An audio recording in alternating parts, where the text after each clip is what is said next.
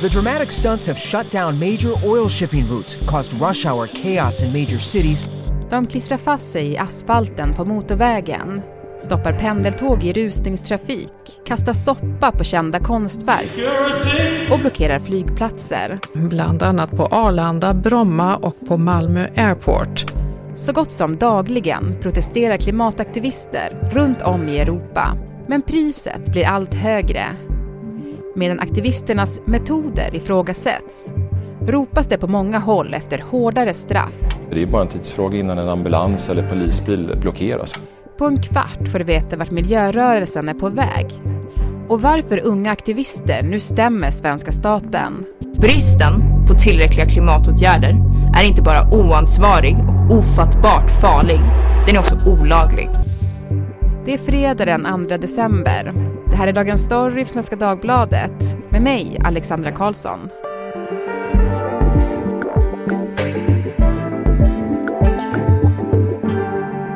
Mårten Schultz, juridisk kommentator här på Svenska Dagbladet och professor i civilrätt och just nu gästprofessor vid Oxford University. Hallå Mårten! Tjenare, god morgon! Och Daniel Persson Mora, du är producent på poddredaktionen här på Svenska Dagbladet. Hej! Hej! Daniel, du har ju i veckan släppt en ny Blenda-dokumentär som heter Aktivist mot sin vilja och den följer två klimataktivister.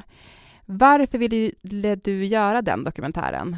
Ja, men det var under en period då det började skrivas mer och mer om klimataktivister och jag och och eh, redaktör Adam Svanell, vi diskuterade rätt mycket och funderade på hur Liksom hur funkar de och hur långt är de beredda att gå i sin kamp? Det tyckte vi var så här eh, spännande helt enkelt. Och sen så är det också sådär att eh, det var rätt mycket skriverier om deras aktioner och så såg man bilder till exempel på en rad av eh, aktivister som satt på motorvägen med sina gula västar och sådär. Eller att de släpades bort av poliser. Vi ville liksom komma, verkligen zooma in på varje enskild, eller säga, vilka är det som drivs så långt att de är beredda att limma fast sig på motorvägen? Vad, vad har de inom sig som, som får dem att hamna där? Mm. Och som jag sa så heter dokumentären Aktivist mot sin vilja. Vad menar du med det? Som Tina säger vid ett tillfälle, det, det här är ingenting som jag tycker är kul. Jag hade hellre köpt mitt hus, skaffat ett barn och bara haft ett gött jobb på deltid och odlat resten av tiden. Men för dem är det här ett, ett absolut nödläge. De måste göra det för att rädda liksom, mänskligheten. Mm. Och Tina är då en av dem som du följer i dokumentären. Exakt. Eh, jag tänkte mycket när jag lyssnade på din dokumentär att de, beskriver ju hur de blir mer och mer radikala ju mer de håller på med aktivism. Um, och Mårten, um, den senaste tiden har vi ju sett en rad uppmärksammade domar mot just klimataktivister runt om i världen. Har du reagerat på någonting där? Det jag har reagerat på är kanske inte egentligen det som jag är här för att kommentera, nämligen det juridiska, utan jag har reagerat på ett ökat, eh, liksom en ökad irritation, frustration över de här aktivisternas agerande. Eh, det, liksom, det piskas upp en, en närmast hatisk stämning på ett sätt som vi inte brukar förknippa med eh, civil olydnad. Mm. Vad tror du att det beror på då? Det här stör ju vanliga människor på ett annat sätt än vad djurrättsaktivisterna till exempel gör i det att de blockerar vägar och sånt som påverkar människor som ska hämta sina barn på förskolan eller ambulanser som ska till Karolinska sjukhuset och sådär. Så, så det, det, det, finns väl en mer påtaglig påverkan på, på på allas liv som kanske kan förklara den uppiskade stämningen. Men jag vet inte. Det, det, det brukar ibland sägas att hur, hur sund en rättsstat är kan mätas delvis i hur man hanterar eh, civil olydnad. Hur, liksom, hur kallt vi håller huvudet i en rättsstat när, när människor väljer att bryta mot lagen för att de menar att lagen är moraliskt felaktig. Mm. Om vi ska gå in lite då på lagen också, Mårten. Ehm, så i USA så har en miljöaktivist som brände hål på en oljeledning tidigare år dömts för terrorbrott. Även i flera länder i Europa har man kallat aktioner då för terror, bland annat i Tyskland. Alltså är det en ny tillämpning av lagen vi ser eller hur ska man tolka det? Nu har jag inte full koll på hur de har dömt i andra länders domstolar, men i Sverige så, ligger det inte, så är det inte troligt att någonting av det vi har sett hittills är närheten av terrorbrott. Men det finns ju då väldigt allvarliga brott av annat slag som har aktualiserats och det gäller framförallt sabotage och blåljussabotage.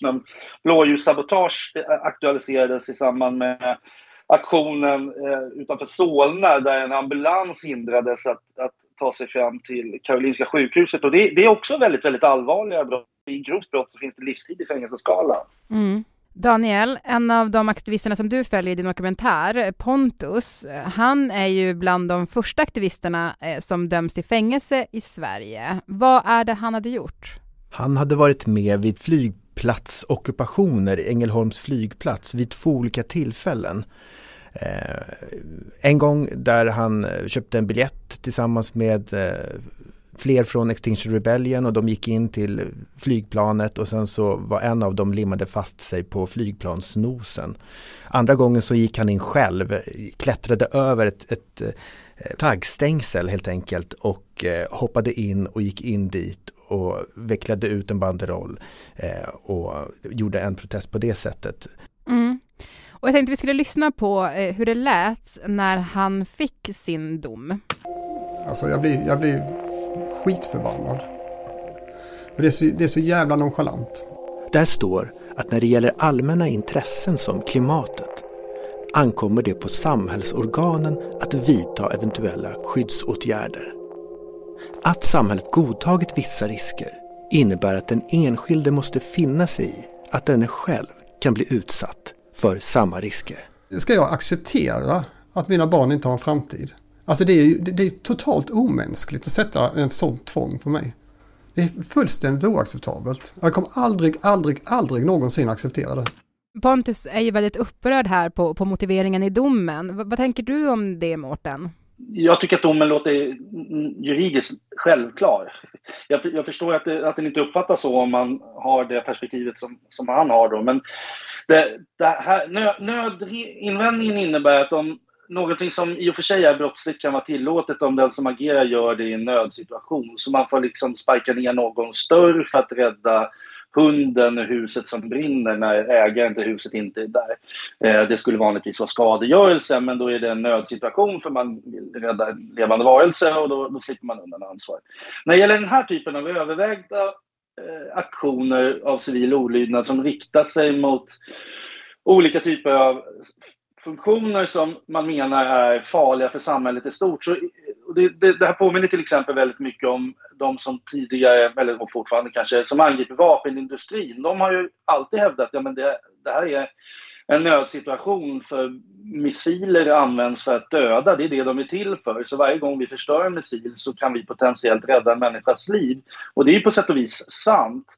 Men då har domstolarna generellt sett, eller i princip alltid, intagit inställningen att det här är demokratiskt fattade beslut. Så den typen av mer vad ska vi kalla det för, typ strukturella nödinvändningar eller nödpåståenden, det, det hanteras inom det, det, det, demokratiska system vi har. Det är helt enkelt så att eh, staten har redan fattat, eh, gjort en bedömning av vad som kan tillåtas och inte tillåtas och då kommer nödinvändningen inte att flyga i allmänhet utan det, det är saker som får hanteras inom den politiska processen. Burrow's furniture is built for the way you live. From ensuring easy assembly and disassembly to honoring highly requested new colors for their award-winning seating, they always have their customers in mind. Their modular seating is made out of durable materials to last and grow with you. And with Burrow, you always get fast, free shipping. Get up to 60% off during Burrow's Memorial Day sale at burrow.com slash ACAST. That's burrow.com slash ACAST. burrow.com slash ACAST. Det finns ju också aktivister som försöker använda sig av just lagen för att få till en förändring. Eh, du skrev om det i Svenska Dagbladet, Mårten. Förra veckan så lämnade organisationen Aurora in en stämningsansökan där man då stämmer staten för det man menar är en undermålig klimatpolitik. Hur går det till, Mårten?